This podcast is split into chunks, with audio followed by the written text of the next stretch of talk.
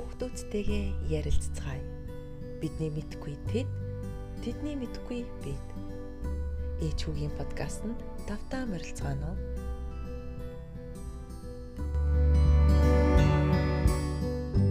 За сайн байцгаана уу. Ингээд ээж хүүгийн подкастны 4-р дугаараар бит хоёр эхлэхэд бэлэн болоо сууж байна. Тэгээд 4-р дугаарын маань сэдв маань болохоор бит хоёр нөгөө TED Talk гэдэг аппликейшн гэдэг өнгөрсөн удаа ярьж байсан. Тэрнээс ингээд бид хоёр хамгийн ингээд өөрсдийнхөө онцлсон тийм нэг TED Talk-ийн тийм хүний тийм яриаг сонгож аваад тэр ярианыхаа яран дээрээ тулгуурлаад тэрийг тайлбарлаад өөртөөхөө юу ойлгож авсан.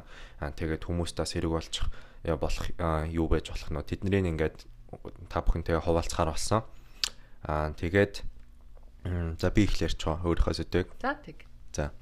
Аа миний сонгосон TED Talk нь болохоор Angela Duckworth гээд сэтгэл судлаачийн grit буюу одоо тууштай байдал гэдэг тийм сэдвтэй яриа байхгүй юу.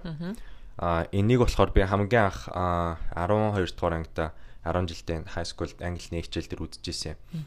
Хамгийн анх үзээд манай багш биднэрт үзүүлж ирсэн. А тэгэнгүүтээ манай агш энэний тухай бүр айгүй олон артикл тэгээд ном байд юм байлээ. Энэний бид тэрийг биднийг уншуулад яг анги дээр хичээл дээр assignment болгоод Тэгээд тэрийг бид нэр анх уншижсэн. Яг тэр үедээ бол би нэг амар тоогоогүй хичээл дээр үзсэн болохоор яг хичээл хичээл шиг санагдал яа унших уншаал тэгэл юм хичээлтэй нөлөөж байгаа доо. Тэг яг даалгавар шиг бодсон аахгүй. А тэгээд яг сүүлд ингээл тэр бичлэгийн ганц хоёруудаа дахиж үзээл ингээл ойлгоол ирж хахад айгүй хэрэгтэй айгүй а сонирхолтой зүйлийн талаар ирж ирсэн юм байлаа л да. А тэгээд энэ за энэ TEDx talk нь болохоор яг ингэж эхэлтэй. А яг энэ Angela Duckworth гэдэг энэ ярьсан хүнийх нь background түүхээс нь жоохон хаалцах юм бол хамгийн анх энэ нэмэгтэй анх нэг зүгээр энгийн компанид консалтантаар ажилладаг байж байгаад. Аа тэгээд тэрнээсээ гарангуудаа Нью-Йоркод аа дуундангийн хүүхдүүдэд математикийн багш болоод улсын сургуулийн математикийн багш болоод хэдэн жил ажилласан юм байлаа. Аа тэгээд Нью-Йоркод улсын сургуульд ажиллаж байхдаа бодсон гэж байгаа. Ингээд яг ямар хүүхдүүд ингээд ямар хүүхдүүд ингээд миний анги дээр сайн тестэн дээрээ сайн аваад ямар хүүхдүүд муу аваад байгаа юм бол тэгээд сайн аваад байгаа хүүхдүүд нь яг юу нөлөөлөд байгаа юм бол гэдээ яг тэр үед бодож эхэлсэн гэж байгаа байхгүй юу. А тэгэнгүүтээ а хитэн жил тэндээ багшилж байгаад ерөөсөө за за би энэ асуудлаараа би ингээд жоохон цаашаа судалмаар санагдаад өөртөө сонирхолтой санагдаад University of Pennsylvania гээд сургуульд шууд нөгөө мастраар сэтгэл судлаачийн програмд хамрагдаад тэгээд тэнд болохоор босоод нөгөө master right note-тай ингээд судалгаа хийж эхэлсэн байгаа. Яг юу хүнийг ингээд successful амжилтанд хүргээд байна. Яг хүнийг амжилтанд хүрсэн хүмүүсийг яг ингээд хамгийн ингээд бүгдэнд нь байгаа тэр зүйл юу вэ гэд тэрийг судлах тийм айгүй олон судалгаа хийсэн байлээ. Тэр нь болохоор ингээд айгүй олон газар судалгаа хийсэн. Хамгийн анх болохоор ингээд энд нөгөө National Peace Bell ингээд хүүхдүүдийн нөгөө үг хэлэнгүүд үсгэлж хэлдэг тийм амар том тэмцээн байдаг шүү дээ. Тэрэн дээр очиод ямар хүүхдүүд нь цаашаа ингээ яг эхлэхээс өмнө хүүхдүүдийн баг судалж байгаа бүгдийн за энэ хүүхд нь ялж магадгүй энэ хүүхд ингээ жоохон эрт ингээ тасагдах гэж prediction тийм янз бүрийн таамаглал гаргаал тэгэл тэрийг нөгөө яг гарсан үр дүнтэй найрцуулаад тэгэнгүүтээ янз бүрийн нөгөө цэргийн амар тийм элит цэргийн э, сургуульт програмууд дээр очиод ямар цэргүүд нь ингээд бүгд эхлээд бүгд эхлэхээс өмнө судалж агаад тэгээд програм их дуусгаад ямар зэргүүд нь ингээд үлдсэн байх вэ? Ямар зэргүүд нь ингээд бууж өгөөд програмаас гарцсан байх вэ гэдгийг бас ингээд тооцоолол. Тэгээд бас нөгөө бизнесийн нөгөө юм хүмүүст юм зардаг тийм хүмүүс эдэн штэ. Янз бүрийн компаниудад ингээд хүмүүс рүү залгаал ингээд юм санал болгоол амар зардаг sales person гэдэг тийм хүмүүсийн ингээд бас судлаад яг энэ сарын эцэст хин нэг хамгийн их орлого олж чадах уу гээл те. Амар олон тийм төрлөөр олон тийм ингээд өөр өөр зүйлүүд дээр маш олон хүмүүс дээр судалгаа хийгээд аа тэгээд аа гарч ирсэн нэг хариулт нь болохоор ерөөсөө энэ хүмүүсийн ингээд юу амжилтанд хүргээд байгааг тодорхойлоод байгаа юм нь болохоор IQ бол биш. IQ ухаантай байна уу? Тэр бол огт биш байгаа. А тэгэнгүүтээ а тэр physical биеийнх нь ямар condition эсвэл царай зүс сөөрхөн байна уу? Өндөр байна уу? Нам байна уу? Тэр нь бас огт хамаагүй. Гарч ирсэн хамгийн чухал зүйл нь болохоор grit гэдэг энэ нөгөө юмд тууштай хандах хандлага. Тэгээ амжилт гаргаад байгаа бүх хүмүүс нь тэр хүүхдч вэ, цэрэгч вэ, эсвэл ям зарж байгаа хүн ч тэр ингээ ажилдаа ингээ хийж байгаа юмдаа тууштай хандсан байгаа байхгүй юу. Аа тэгээд аа энд болохоор нэг ийм сэдв гаргаж ирдээ. а хоёр зүйл байгаа штэ нөгөө одоо talent буюу м авьяас чадвар хүний өөрийнхөө төрөлхийн авьяас чадвар байгаа. А тэгээд effort буюу ингээд хүний нөгөө хичээнгүй байдал одоо яг ингээд өөрөө тэрний төлөө хийж байгаа ингээд а ажил одоо яг хөдөлмөрлөж байгаа тэр хэсэг тэгээд байдаг шүү дээ яг хоёр хэсэг байгаа. Тэгэнгүүт харьцуулж үзсэн байгаа. Энэ авьяас чадвар нь илүү юм уу? Эсвэл энэ хөдөлмөр илүү юм уу гэд нэрийг харьцуулж үзсэн ба. Тэнгүүт яг айгүй олон хүн дээр ингээд нөгөө сервис судалгаа аваад тэгэхэд ер нь бол манай нийгэм society ихэнхдээ хин хүмүүс ингэж боддог гэж судалгааны хариу гарсан байгаа. Ингээд хин хүмүүс болохоор effort буюу ингээд хичээл зүтгэлийг ер амар мундаг хичээл зүтгэлтэй бол ер нь бол хүмүүс айгүй мундаг явж чадна гэж мэддэг, хүлээн зөвшөөрдөг. А тэгсэн мөртлөө яг цаагаараа хичнээн хичээл хичээл зүтгэл гаргасан ч гэсэн яг үүндээ бол тийм төрөлхийн авьяастай гоц үнийг бол гүйцэхгүй гэж бүгдээрээ санал нийлсэн байгаа байхгүй юу? Хин хүмүүс тэгж боддог гэж судалгаа гарсан байгаа. А тэгэнгүүт а яг үүндээ бол энийг а бишээ яг үүндээ бол хичнээн авьяастай чадвартай байсан ч гэсэн а хичнээн авьяасгүй чадваргүй хүн маш их авьяастай чадвартай хүнийг а тууштай байдалтай байснараа илүү дээр нь гарч илүү амжилтанд хүрэх тийм боломжтой гэсэн тийм а тийм үр дүн гаргасан байгаа энэ олон жил судалгаа хийсний үр дүнд. Нөгөө нэг нэг хувь нь авьяас 90 үлдсэн 90-ийн хувь нь нөгөө хөдөлмөр юу лээ тий гэж ярьдаг шиг. Тийм яг тэр шиг гаргасан байгаа. А тэгээд энэ судалгаанаас тэр номон дээр нь болохоор байдаг нэг үндсэн нэг том формула байдаг байхгүй нэг тийм а яг ингээд математикийн тэгшдэг шиг болгоцсон. Тэгээд тэр нь болохоор юу гэхээр ингээд эхнийх нь болохоор авьяас чадварыг хичээл зүтгэл авьяас чадвар дээр хичээл зүтгэл нэмэхээр ямар нэгэн скил буюу чадвар олж авдаг. Аа тэгээд тэр чадвар дээрээ дахиад хичээл зүтгэлийг нэмэх юм бол амжилтанд хүрдэг гэж байгаа байхгүй. Тэгэхээр энэ тэгшгэлд болохоор хичээл зүтгэл хоёр удаа орсон. А авиас чадвар болохоор нэг л удаа орсон байгаа гэж байгаа байхгүй.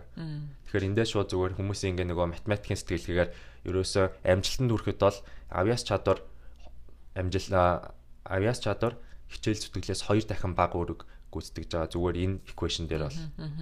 Тэгэхээр хичээл зүтгэл бол хүчээл зүтгэлтэй байхад бол амжилтанд хүрэх тийм боломжтой гэдэг яг тийм судалгааг нь гаргасан байна. Аа тэгээд энэ юм тууштай байх хандлага нь болохоор хүмүүст бас нөгөө өөр өөр байдаг. Зарим хүмүүс болохоор ингээм амар амархан юм буугаад өгчдөг. Зарим хүмүүс болохоор гүрийгэлээдэг амар тийм төвчээртэй хүмүүс байдаг шүү дээ төрөлхийн. А зарим нь болохоор төрөлхийн ингээл юм болон ёо за за би чадахгүй байна. За за болио болио гарыг гэл тэгдэг хүмүүс байдаг. А тэгэнгүүтээ энэ grit буюу тууштай чадвар байх чадварыг хөгжүүлж болдог гэж байгаа. За. Тэгээд энэ тууштай чадварыг хөгжүүлэх дөрвөн арга байгаа гэж энэ ном дээр гарч байгаа. А тэгээ эхнийх нь болохоор юу вэ гэхээр сониуч бай. Хоёр дахь нь болохоор өдөр болгон өөрийгөө хөгжүүл. Гурав дахь нь болохоор том зургийг хар дөрөв дэх нь болохоор growth mindset буюу одоо нөгөө өсөж дэвжих тийм сэтгэлгээтэй байх гэсэн үг байхгүй. Тэгэхээр нэг нэгээр нь ингээд хальт жишээтэй дурдаад ярих юм бол юм байгаа юм. Эхнийх нь сониуч бай гэж байгаа штэ. Хүн сониуч байснараа яаж ингэж юм тууштай байдаг вэ гэхээр хүн угаасаа дуртай юмдаа л тууштай явна штэ ингээд ямар ч дургүй юмд бол хүн ингээд бүр хүчээр л ингээд хийгээд байдаг болохоос ш тэгэл яа болмоор санагдал. Яг дуртай юмд бол бүр ингээд хинч хий гэж хэлээг байхад зүгээр өөрөө нэг мэтгэл олон цаг хийцэн байдаг шинжэнгөө онтохгүй хийцэн байдаг юмнууд байдаг штэ хүмүүст. А тэгээ энэ дээр болохоор нэг жишээ байгаа юм. Одоо энэ нь болохоор нөгөө Charles Darwin гэдэг нөгөө биологийн номон дээр бидний мэддэг хүн байдаг штэ. А тэр нь болохоор ямар хүн байсан гэхээр тийм ухаантай, тийм гоц IQ-тэй, өндөр тийм сэтгэлгээний хурдтай, тийм ямыг хурдан сурдаг тийм хүн бол биш байсан байгаа. Зүгээр л энгийн харин ч баг ер нь бол жоохон удаавтар тийм хүн байсан байгаа байхгүй. А тэгээд тэр хүн болохоор яадаг байсан бэхээр Charles Darwin ингээд амар сониуч нөгөө биологийн natural science ингээд иргэн тойронд байгаа энэ нөгөө байгаль орчныг яа амьтад яагаад ингэж харагдаад байгаа энэ амьтад яагаад энэс өөр байгаа энэ навч яагаад энэс өөр байгаа амар тийм сониуч өөрөөсөө байнга юм асууж идэг толгоонд нь ингээл байнга асуулт эргэлдэж идэг. Тэр яагаад тийм юм бол амар олон асуулт эргэлдээл эргэлцээр хагаад тэгээ сүулт нь болохоор гаргаж ирсэн хамгийн том нөгөө үр дүн нь болохоор эволюцийн теориг эволюцийн нөгөө хууль байгаа шүү дээ бидний бүгдийн мэддэг. Тэр том хуулийг одоо хүртэл бидний судалдаг тэр том хуулийг энэ хүн ерөөсөө л тэр сониуч байснараа гаргаж ирсэн байгаа байхгүй юу. А түүнээс бол тийм ухаантай чадвартай мондогтай биш сониуч байсан. Тэгээд тэрийг өдрөө болгон тууштай тэрнийхээ төлөө ямар нэгэн судалгаа хийгээд дүгнэлт гаргаад тэгсээр хагаад яг ийм том зүйлийг гаргаж ирсэн байгаа. Тэгэхээр хүмүүс эхний ээлжинд юу ч гэсэн ямар нэг юм тууштай явмаар байгаа бол эхний ээлжинд өөрөөсөө юу чиний сонирхлыг хамгийн их татдаг вэ гэсэн асуултыг асуух хэрэгтэй гэж байгаа энэ дэр. Яг юу чиний сонирхлыг хамгийн ихээр татдаг вэ гэхээр одоо аа тэр зүйлийг ингээд хинч хий гэж хэлээгүй байхад өөрөө ганцаараа хийдэг тийм л зүйл гэж байгаа юм шиг байна. Аа хоёр дахь нь болохоор өдрө болго өөрийгөө хөгжүүлэх гэсэн шүү дээ. Тийм. Энэ нь болохоор яг яаж холбогдоод байгаа гэхээр аа бас нэг жишээ байгаа юм. Энд дээр бас ер нь бол нэг нэгээр нь жишээ аваад явуулаарай. Дээр юм шиг санагдсан. Эхний жишээ нь болохоор энэ Rowdy Gaines гээд Олимпийн алтан медальт тийм усан цэлдэг тамирчин байгаа байхгүй Америкийн.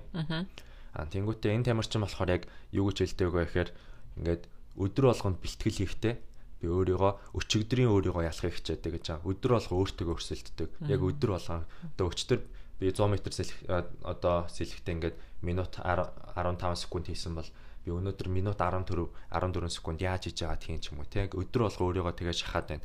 Аа тэгээд энэ яг яаж нөгөө тууштай байдалтай холбогдоод байна гэхээр яг ийм сэтгэлгээтэй хүмүүс яг хамгийн тууштай амжилт нүрдэг юм шиг.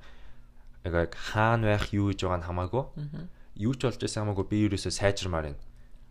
Ингээд одоо яадын ямар нэгэн одоо аргэрийн байдал болохгүй байгаа эсвэл тэр ингэчлээ одоо миний санхүү ингэсэн байгаа өө тэр ингэсэн би ингээд эндээ гэмт ямар нэгэн шалтгаан бол амьдрал байн гарч ирж байгаа шүү дээ тэднийг ерөөсөө тоохгүй би юу ч болж ирсэн хамаагүй. Нөгөө Avengers canon дээр whatever it takes гэдэг дээ шүү дээ юу ч болж ирсэн хамаагүй. Би ерөөсөө сайжрамаар байна. Би өчтөрөөсөө дээрдмээр дээр болмоор байна гэсэн тийм сэтгэлгээг өөртөө суулгах хэрэгтэй гэж байгаа. А гурав дахь нь болохоор том зургийг хар гэж байгаа том зургийг хар гэдэг нь болохоор одоо ямар нэг юм хийхдээ хүмүүс ингээд амархан буугаад өгдөг ихэнх шалтгаан нь болохоор ингээд том зураг байхгүй том зориг байхгүй өөрсөнд нь. Зүгээр л өдөр тутамдаа ингээл ажил дээр очиод яг ингээл яагаад ажиллая гэдэг байгаа мэдэхгүй зүгээр ингээл ажиллах ёстой яг би одоо энэ ажиллаа ихгүй бол халагдчихна халагдах юм бол би мөнгөгүй болчихно гэх тийм яг тийм арай жижиг зүгээр өдөр тутмын юм а бодоод хахаар амар тийм буужигмар санагддаг тийм мэдрэмж төрөөд байдаг байхгүй юунд а том зургийг харна гэдэг нь болохоор одоо жишээ нь яагаад ажилдаа явж байгаа вэ? Би ингээд энэ ажил дээрээсээ би юу сураад одоо 2 жилийн дотор би энэ ажлаас ийм юм сураад би дараа нь ямар том юм байгуулах вүлээ. Тэр ингээд том зураг хараад хахаар жижиг сажиг юмнууд ерөөсөө тийм хэцүү юм шиг санагдахаа байцдаг юм шүү.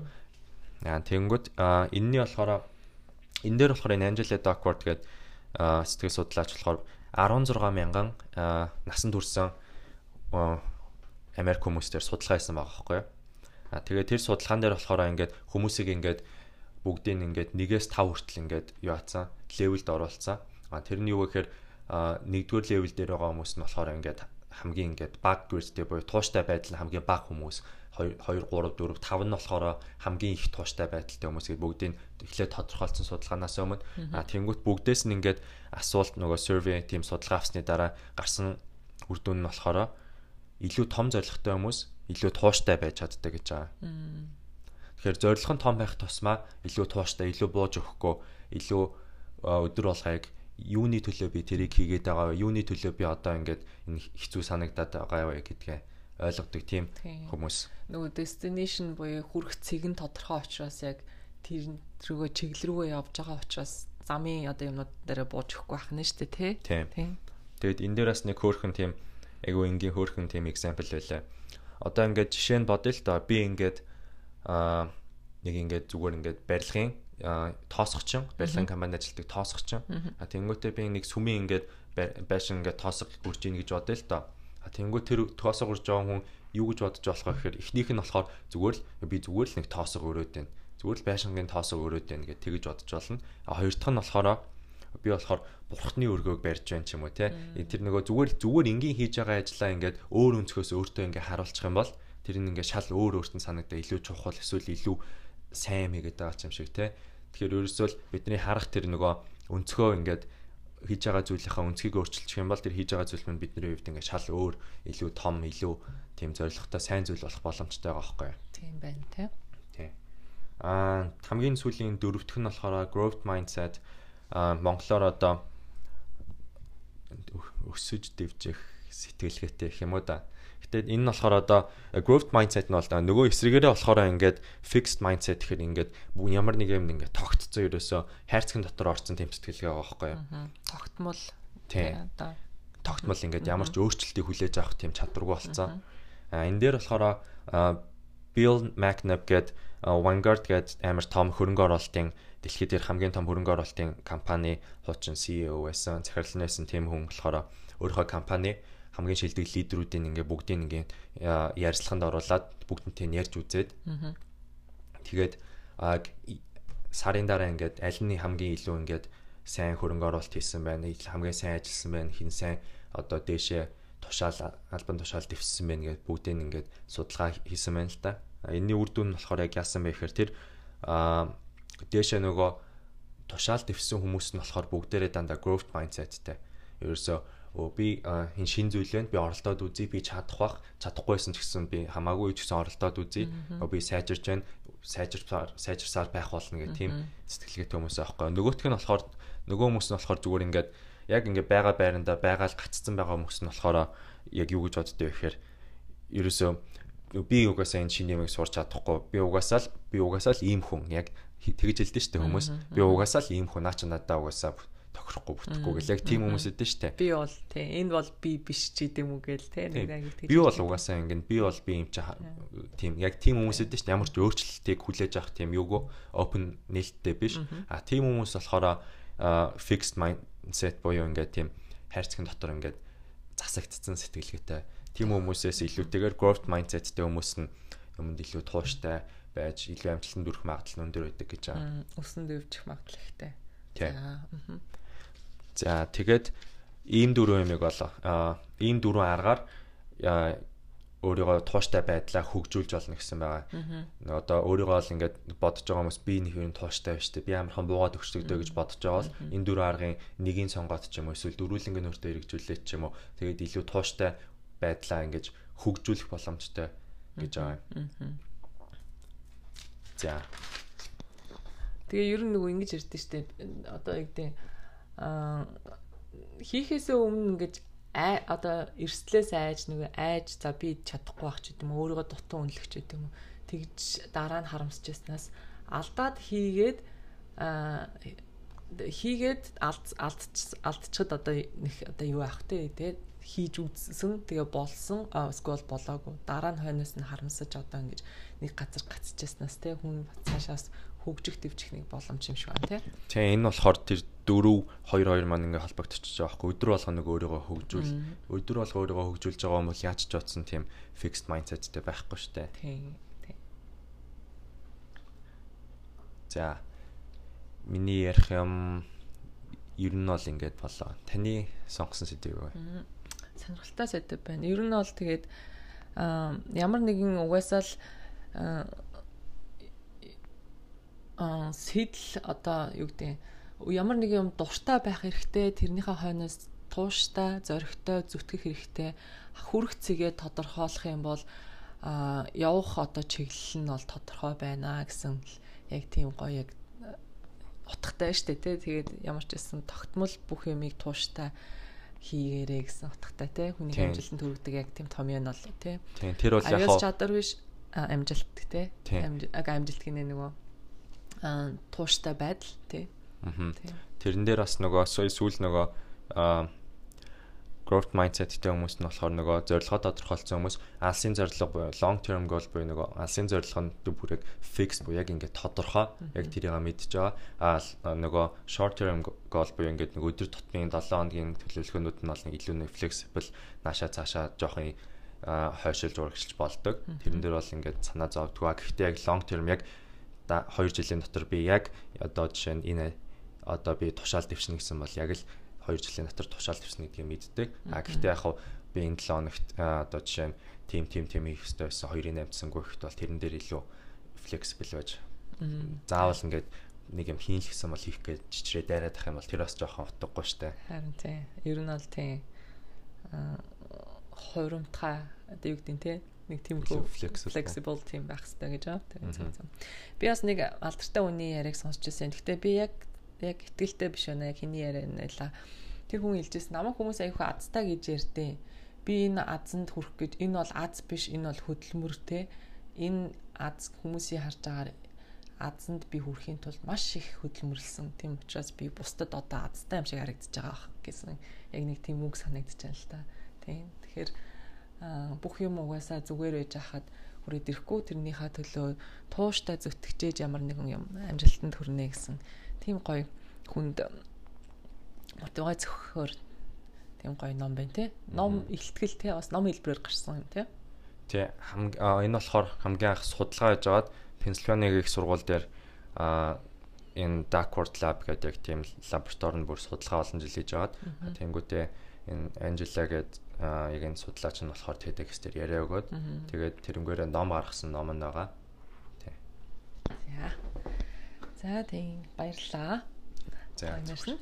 За минийх болохоор ер нь бол энгийн олон сонирхолтой мэдээж судалгаанууд хүмүүсийн яриа дээрэс нь хүмүүс өөрсдөө нөгөө нэг түүхийг бас хуваалцсан байдаг шүү дээ тэ ток дээр тэ. А тэгтээ би зүгээр энийг сонгож авахыг хүслээ.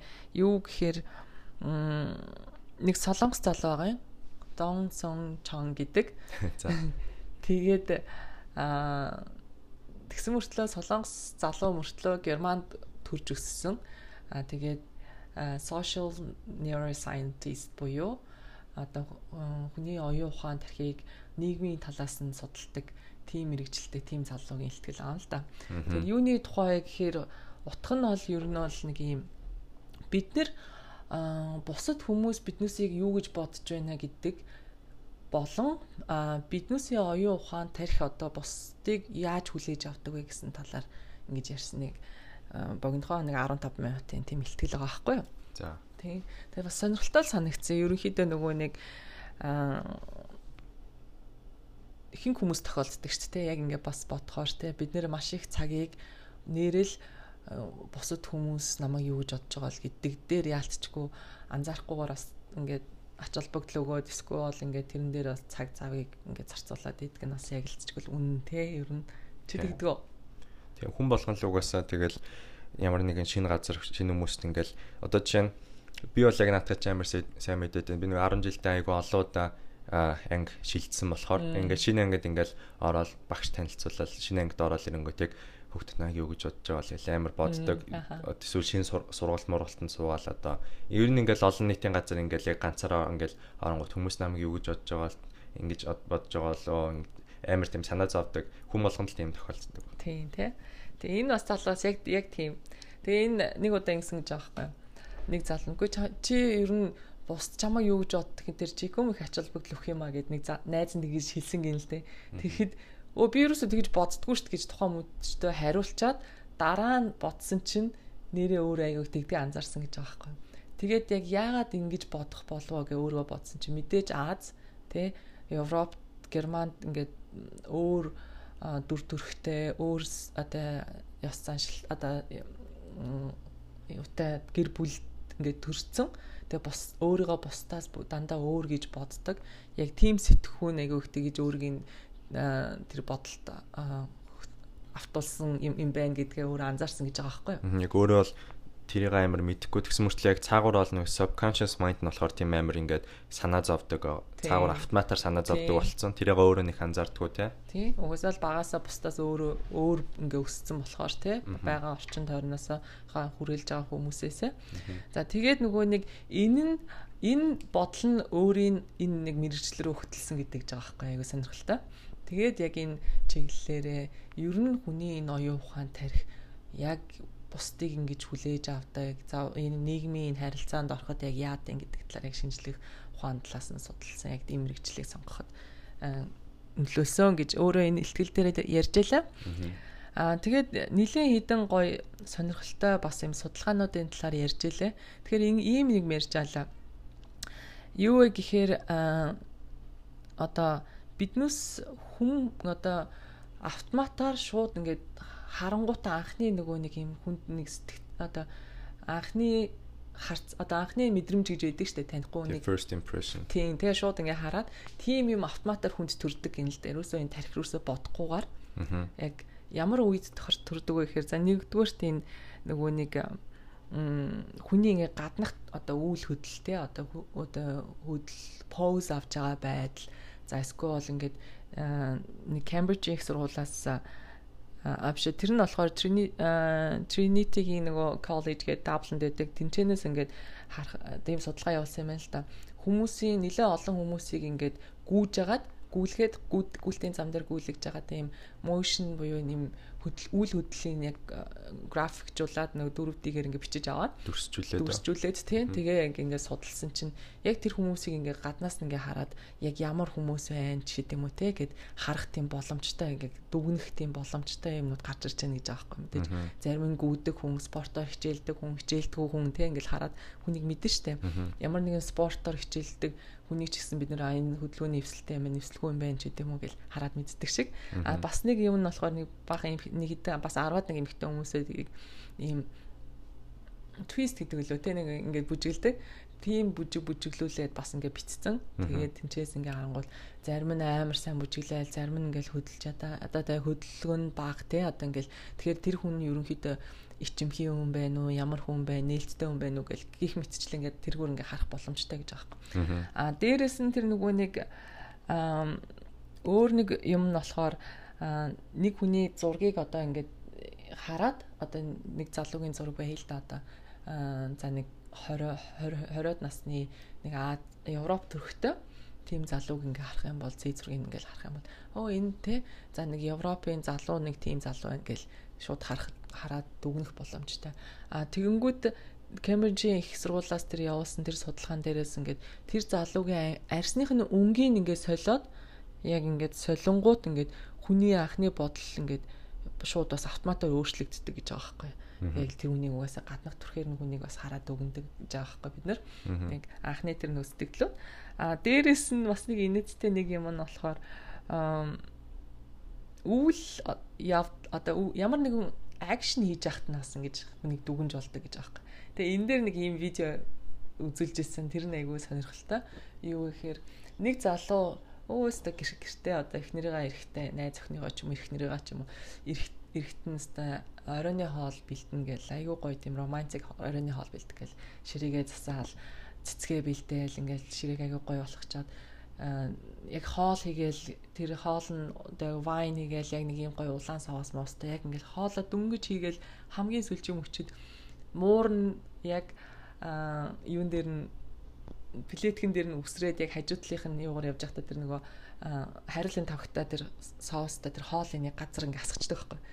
Газраар дүүрэн улаан соостой тэр нөгөө хоол нь асгараад дээрээс нь муур нь яг унаад тэгээ нэг гартаа яг хутахтай яг юм ирчиж байгаа эргэж хараа сандраад яг өргөөл муураа ингээд өргөсөн чинь нөгөө гартаа хутахтай ихнэр нь яг тэр мөчөд хаалгаа тэр ихнэр юм найз өхн ингээл ороод ирж байгаа байхгүй. Тэгээ шууд тэр орж ирж байгаа хүнд тэр хүн яаж харагдаж байна гэхээр муураа алхаж байгаа дүүрэн цустай хотголцсон яг л нэг тийм хүний дөр дөр хөзөгдөж байгаа байхгүй. Тэр яг энэ дээрээс юу гэхээр яг тийм өчөд үйл явдлыг яг хүн харж байгаа яг болсон яг цаана юу болсныг мэдгүйгээр зүгээр тухайн мөчөд одоо хүнийг шууд дүгнждэг гэж аахгүй автоматар. Тэгэхээр энэ энэ дээр бас хэлж байгаа хин нэгнийг тэ одоо бити ингээд хурдан дүгнээрээ гэсэн бас нэг тийм гоё утга гарч ирээд байгаа биз тээ. Нэг иймхүү нэг үйл явцууд харагдадлаа. Тэгээд дээрэс нь бас нэг автоматар хүмүүсийг яг хардаг нэг тийм судалгаа судалгааны юм нь болохоор Google дээд үтсэн гинэ. Тэгээд нэг Google дээд үтсэн чинь нэг хэдэн бахан зураг гарч ирсэн гэж байгаа байхгүй юу? Тэр хүнийг үү? Биш ээ өөр нэг судалгаа нь хэнийг гуглцсан? Одоо нэг нэг юм нэг одоо юм бичээд гуглдсан гэж байгаа байхгүй. Юу? Би одоо нэг юм үзүүлээ. Заяа. За энэ зургнуудыг харахаар энэ ямар хүмүүс вэ? За хэлж чадах уу? Одоо энэ одоо хүмүүс үгүй энэ хүмүүст ингээд яг нийтлэг нэг одоо нийтлэг нэг юмтай хүмүүс байгаа байхгүй бүгдээрээ нийтлэг юмтай. За бүгдээрээ цагаан арьстай юм байна бүгдээрээ. Бүгдээрээ хувц өмссөн байна. А цагаан арьстай энд ингээ Аз хүмүүс арьсны өнгө бол янз янз байгаа даа за энэ а тэгэхээр эднэрийг ингээ харах юм бол хүмүүсээс асууж байгаа хгүй эднэр яг ямар мэрэгчлээ хүмүүс вэ гингүүт чи юу гэж хэлэхээр байна? За эхнийх нь болохоор амар тийм хар background цаатлынх нь хав хар хав хар костюм бич байгаа хүмүүс чинь цэнхэр зангаатай цагаан цамцтай бор үстэй нэг шар хүн байна. За би тэгэхээр энийг бол хуульчлал гэж харах юм байна. За. Дараагийнх нь болохоор цав цагаан малгайтай, цав цагаан цамцтай, нүдний шилтэй цаана нэг уул харагдаж байгаа нэг шар юм байна. Би нэмэг тэтвэртэй гарцсан. За ажиллаж байхдаа сувлэгч мөлөгч байсан юм ээ гэж харах юм байна. За. Дараагийнх нь болохоор бөөгийн овцтой юм байна. Тэгэхээр бөөл гэж харах юм байна. За. Дараагийнх нь болохоор нэг хөгшин Аз нүдний шилтэй өвөө саарл костюм бичагтай нэг анги шиг газар зогсож чинь тэгэхээр их сургуулийн багш л гэж харах юм байна. За. Дараагийнх нь болохоор цагаан костюм бичагтай хар зангаатай нүд дээр үе нүдний шилтэй хүсний засалт нь бас жоохон дээр үе. Тийм хүн зүгээр сууж байна. Энэ хүн бол надад нэг аа зохиолч мохиолч шиг л харагдчихэв. Аа. Дараагийнх нь болохоор зүгээр энгийн офис хувцтай, шар өстэй, гарандаа үзэг барьсан нэг дэвтэр дээр юм бичиж байгаа нэг шар ихч байна. За тэгэхээр би нэг чи бол сэтгүүлч мэт бага ангийн багш шиг харагдаж байна надад л. Тийм. Тэгэхээр одоо ингээд аа тэгэхээр яг үндэ бол энэ хүмүүс бүгдээ адилхан нэг мэрэгчлээ хүмүүс байгаа байхгүй. Тэгэхээр бид нар ингээд энэ хүмүүсийг хүний гаднаас нь хараад яг ямар юу хийдэг гэдгийг бас таахад бас хэцүү байгааз. Бүгдээрээ нэг мэрэгчлээ. Нэг мэрэгчлээ. Тэр бөөгийн хувцтай хүн ч гэсэн нөө. Бүгдээрээ нэг мэрэгчлээ. Тэгээд тэрийг одоо би чам дараагийн энэ хуудсан дээр харуулъя. Аа за энэ дээр гарч ирэх байна. А дараагийн тэр хуудсан дээр гэж харуулах гэжсэн зүйл нь болохоор бүгдээрээ яг эмч хүмүүс байхгүй юу? Эмч ээ. Тий. Би нэгийн зөвлөсөн юм байна. Тий. Дараагийнх нь хуудсан дээр одоо ингээд слайдн дээр харагдаж байгаа нь болохоор бүгдээрээ юм цагаан халаацтай хүмүүс байгаа байхгүй юу? Тэгэхээр бүгднийг хэлэхэд амар easy, амархан тий.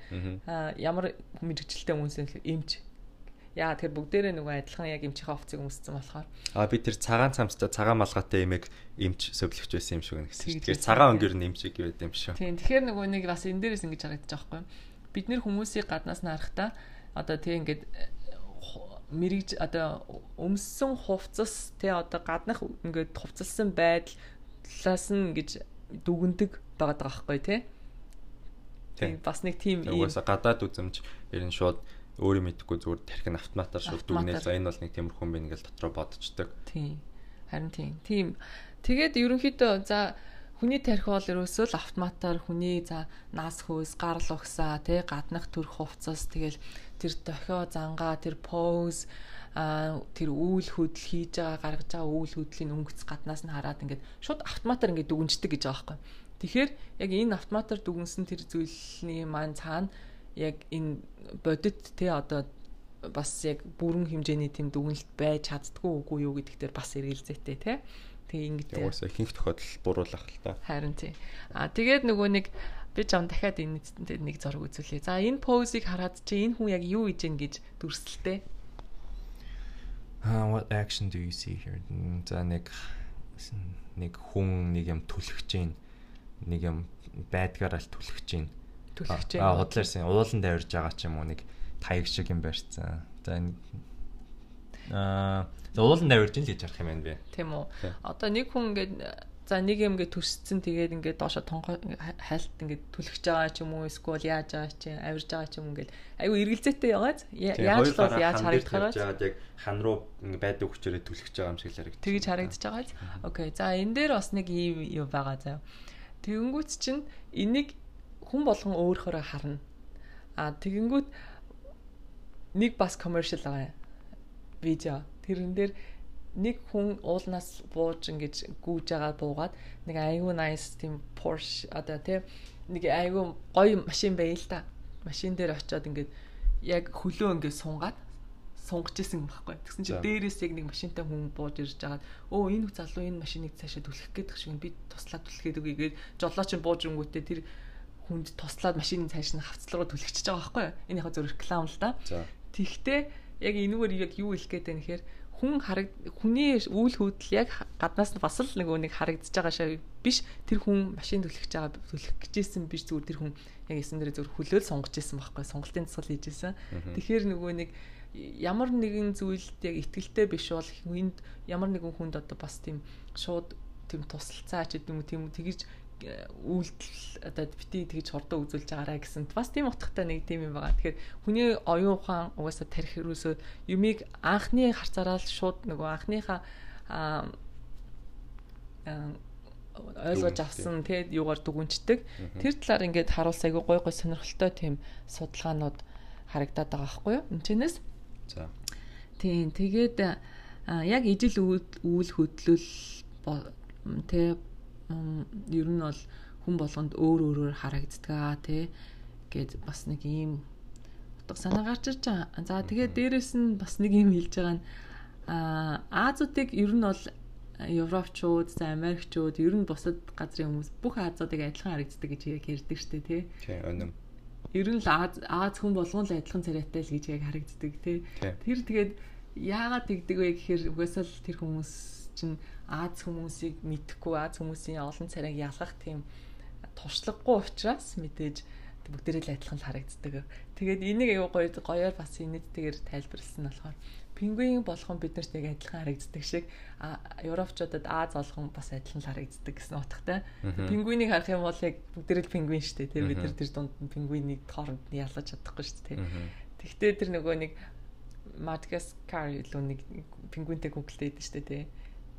Тэд нар чинь нэг өөр өөр байдаг. Тэгснэ эднүсээс оссно гэдэг бас инээдтэй маягаар айгу марцсан. Тэгж хэлжсэн. Тэгээд аа ер нь нөгөө хэлэх гээд байгаа юм нь болохоор аа ер нь бүх юм бүх хүмүүст өөрөөр харагддаг. Тэ ингээд аа дэлхийн ертөнцийн дээр байгаа бүх юм одоо өөр өөрсдийн өнгөтэй хүн болгон харилцан адилгүй бүх юм ингэж өөр өөрөөр хүлээж авдаг. Тэгээд тийм учраас аа ер нь тэрийг айгаа гэдэг би бинаас хүлэн зөвшөөрөх ёстой гэсэн утгатай. Хүний гаднаас нь бити дүгэн заавал ингээд харьцаж үзчихээ дотор нь ямар хүн бэ гэдэг чи хизээч мэдэхгүй гэсэн утгатай яриа юм ба шүү дээ. Айгу яадаг. Аа тэр бол айгу те нөгөө хүнийг хүний цаана яг юу байгааг мэдэхгүй анхныхаа тэр гаднах үзүмж, гаднах тэр байдал бүх зүйлийг мэдхгүйгээр тэгэж яг өнгөц дүгнж болохгүй гэсэн яг тийм байдалтай. Дээрэс нь хүний тарих за бусдаас юугаар онцлогтой вэ гэд асууж байгаа байхгүй юу. Тэгэхээр хичнээн бусад том аймтад те одоо юу гэдэг заан усны өхөр одоо юу гэдэг тэд нар ч одоо биднээсээс хамаагүй том тархитай штэ тэгсэн мөртлөө биднээсийн тархи яагаад илүү юм ухаантай илүү юм хүчтэй болчвоо гэдэг нь. За мэдээж нөгөө нэг эволюцийн явцад те одоо хүн ингээл юм хум хийгээл ингээл тархи хөгдсөн гэж ярьдаг штэ за тэрнтэй холбоотой юу гэхээр яг за окей. Ер нь бол за тэгж хүн юм хийж сурсан л байх. А тэгтээ яг хүн нийгмийн дунд хүний дунд хүн хүнтэйгээ хавд байгаад тэгжээж хүний тарих илүү нөгөө нэг аж аргал те одоо бүх тийм сайн сайхан юмыг мэдэрч тэгж хөгдсөн гэдэг үднээс тэр энэ залуугаас тайлбарлаж хэлж байгаа байхгүй юу. Тийм тэгээд яг ингээ бодохоор таныг амьдралд чинь хамгийн одоо аж аргалтай болгож байгаа зүйл яг юу байна? За хамгийн сүлд хамгийн их баярлсан мөчөөш сандаа гэж асууж байгаа байхгүй юу? Тэгэхээр чи бодоо үстэй чи хамгийн сүлд хамгийн хизээ хамгийн ихээр баярлсан бэ? Өнгөрсөн бүтэн санд нөгөө болболын тэмцээнд ялахтаа. Аа за тийм. Тэгээд яг тэр мөчөө ингээ бодонгоо чинь чи ганцаараа биш байсан байгаа тий. Чи багийнхантайгаа тэг аж аргалтай байсан хамгийн тийм гоё дуртай юмаа хийжсэн хамгийн ойр дотныхоо найзуудтай нэг баг болоод ингээд амжилтанд хүрээд тэр сайхан гоё мэдрэмж байгаа зү тий. За. Тийм. Тэгэхээр ерөөсөө л ингэж бодохоор нэрэл хүн болгон бодоод үзвчтэй асуулт байгаа байхгүй юу? Бид нэр хамгийн сүүлд хизээ баярснаа аж аргалтай маш жаргалтай сайхан байснаа санах юм бол хин нэгэн хайртай хүн гэр бүл тэ одоо юу гэдэг найз нөхөд өөрсдийн хамгийн тийм таатай орчиндөө байсан мөч байгаа байхгүй. Аа. Тэгэхээр юу нь бол хүн хамгийн жаргалтай үед нь дандаа ганцаараа биш ямар нэгэн өөр хүмүүстэй цуг гэр бүлтэй юм уу найзтайгаа юм уу өөр хүмүүстэй цуг аз жаргалыг мэдэрсэн үед хамгийн их аз жаргал мэдэрдэг гэсэн. Мэдэрдэг тийм. Тийм. Тэгэхээр ерөөсөө л бид нар нөгөө нийгмийн амьтад гэж хүн гэж нийгмийн амьтан гэж ярьдаг те. Тийг тэр тэрийг л гоёор тайлбарлаж хэлж чаа. Тэгэхээр хамгийн сайн сайхан байгаа хүмүүстэй аж аргалыг бэлэглээрээ. Та өнөөдөр тийм хүмүүсийнхээ хажууд аж аргалыг мэдэрч байгаа бол тэр хүмүүстэй ч гэсэн та эргүүлээд аж аргалыг бас бэлэглээрээ. Хайртай дотн бүх хүмүүстэй хамт сайхан цагийг өнгөрөөгч гэдэг юм уу. Бүх одоо ямар нэгэн танихгүй хүнд ч гэсэн ингээ зөрөө явж хахад энийгээд өнгөрөх ч гэдэм үү тэгэхээр бусдад дандаа хаж нийгмийн дунд амьдарч байгаа танихгүй үнс ч гэсэн аж аргалах бэлгэх бэлгэлэх боломжтой шүү гэсэн тийм айгүй гоё лекцээсэн. Энгийн мөртлөө. Тэгээ надад болохоор нэг жишээ орж ирж байна. Эсвэл хүний гаднаас нь бити дүгэн дотор амарч магадгүй гэсэн шүү дээ. Тэр нөгөө нэг амар алдартай жүжигч мэдээ шүү дээ. William Robertson нөлөө аа яа амар комеди нөгөө амар олон инедмийн кино тоглосон. Тэгсэн мөртлөө амар оролцсон. Амар ингээл хөгжилтэй ингээл инедмийн кино тоглолт амар инедтэй хүн болгоно л ингээл амар аж аргалтай өнгөж оддог байсан ч гэсэн амар оролцсон яг тэр санаанд орж ийн яг хүн болгон тэр үнийг харахад бол зургийг харахад бол өө юм бол тест амар гад жаргалтай гоё юм байна гэлдэг. Яг тийм дотроо депресстэй тэгэл олон жил явсан байгаа байхгүй юу. Тийм тий. Тэгэхээр ер нь ингээл за энэ нэг арчаагүй юм. За энэ стан нэр нэг бүтлэхгүй юм гэдэг мөртлөө тэр хүн ямар цаанаа тэр хүнээс ч илүү те одоо юу гэдэг ирч хүчтэй, илүү төсвөр төвчээртэй цаанаа амьдралдаа юу үзэж туулсан ч гэдэм үү тэр болгоныг бид нар бас хэлж мэдэхгүй шүү дээ тий хичнээн танд сайхан санагдж байгаа хүний цаан ч гэсэн ямар өөр дүр төрх харагдаж байгааг бас бид нэр үгүйсэхийн аргагүй тий тэгэхээр ерөөсө харсан болгондоо итгэх болохгүй бүх юм бас хоёр талтай а дээрэс нь бид нар аж аргалыг хамгийн хайртай дотн бүх хүмүүс дундаасаа мэдэрдэг шиг та ч гэсэн бусдад аж аргал бас түгээх тийм боломжтой гэсэн тийм л товчгондоо айгу гоё маягаар илэрхийлсэн тийм гоё лекцээсэн. Наацхан дээр чинь нөгөө хүн нөгөө одоо жишээ нь танихгүй нэг хамгийн анхаарангуудаа first impression шууд тарих нь өөрөө ингээ автоматар өөрөө мэдэх мэдлгүйгээр тэр үнийг дотроосоо дүгнээд ямар нэгэн дүгнэлт гаргацдаг гэсэн шүү дээ тий. Наа чинь яг neuroscience талаас болохоор амар сонирхолтой юм байна. Угаасаа яг зүгээр локкор энгийнээр бодоо үзэхэд одоо жишээ нь а одоо ээжтэй амар хайртай хүн бол одоо ингээд өөр энэ тэнд явж байхад ингээд яг ээж хүн хүн харагдах юм бол тэр үнийг зүгээр л зүгээр л ээжг нь харагдаж байгаа учраас тэр үнийг зүгээр л цаанаасаа харангуйтаа ингээд оо ямар хөрх ихч вэ? Ямар ээж шиг минь харагдаж байна? Ямар амар тэгэхээр амар ингээд ээж шиг минь гоё хүн байгааг. Цаанаасаа тийм тэгэн штэ. Тэрийг бол хүн яг тэгэж бодъё гэж бодоогүй зүгээр цаанаасаа л тэг албатар мэдрэмж төрчдөг. Эсвэл яг дургуун үнтэй нийслэгийн царайтан явж байгаа юм бол энэ нь бол жоохон угаасаа л муу хүн юм шиг байж юм уу те. Зүүн царайтай хүн байна гэдэг нэг хүнийг тэгдэж штэ те. Тэр бол яг нөгөө багасаа нөгөө нөгөө тархиаг жоохон хүүхдтэй байхад нь хөгжиж явах явцад нь ингээд хүмүүсийн орж ирсэн одоо жишээ нь том амартай 3 настай их амар том амартай хүн орж ирээд ингээд ээж авын зод бол амар муухай тийм тархинд нь имиж үлдээсэн бол бүр том болоод ч гэсэн тэр хүн ингээд ялцчгүй тэр үед тархинд нь хөгжиж байх тийм орчимч өөр одоо том амартай хүн том болоо харахтаа цаанаасаа л нэг хүтэн санагдал муухай санагдал гэдэг ч юм уу яг тийг тийм юм бол автоматар ялцчгүй тарих өөрөө ичдэг юм сонирхолтой юм. Тэрийг харин судалгаараа гэдгийг харуулж байгаа байхгүй тий. Бид нар зөвхөн хүнийг хараад ерөөсөл гаднах мэдрэмжээр дүгүнчдэг. Тий.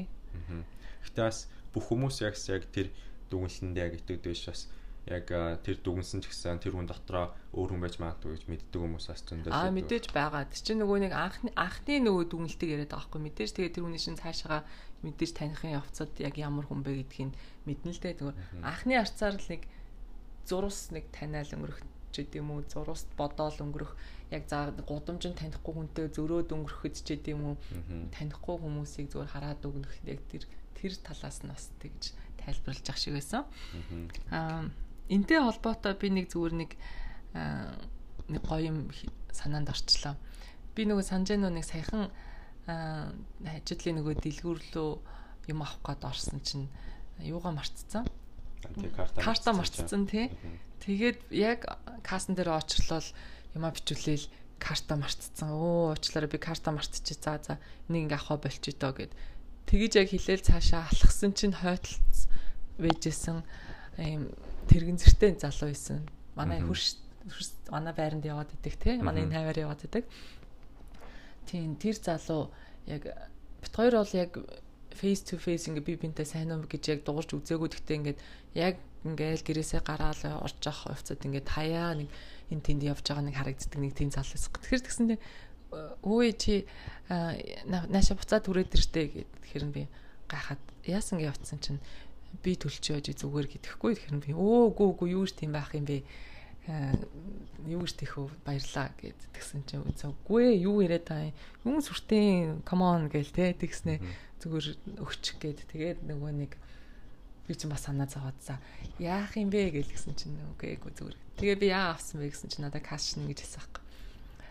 Аа нөгөө нэг тим юм байдаг штэ чи чи одоо энэ хүн чамайг баярлуулад чи дараагийн үндэ төлчих.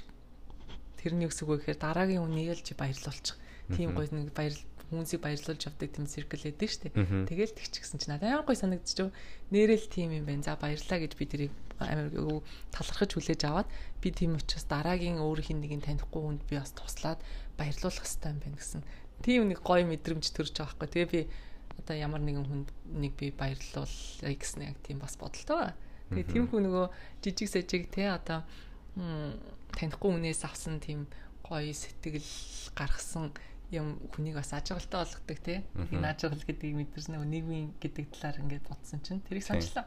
Nice. Одоо ингүүл яхаа та одоо маргааш сейфэд яг юм бичүүлээ зогсож уртлын үнч ингээд карта мартцсан байна гэвэл та төлөхөө төлнө штэ тэгвэл 50 долларын юм авцсан байвал яхаа би төлнө штэ. 100 Гэтэ ямар ч байсан тодорхой хэмжээнд би бол ямар нэг үнийг баярлуулна л гэж бодож байна тий. Окей. Тий. За. Начис төрхөн стори.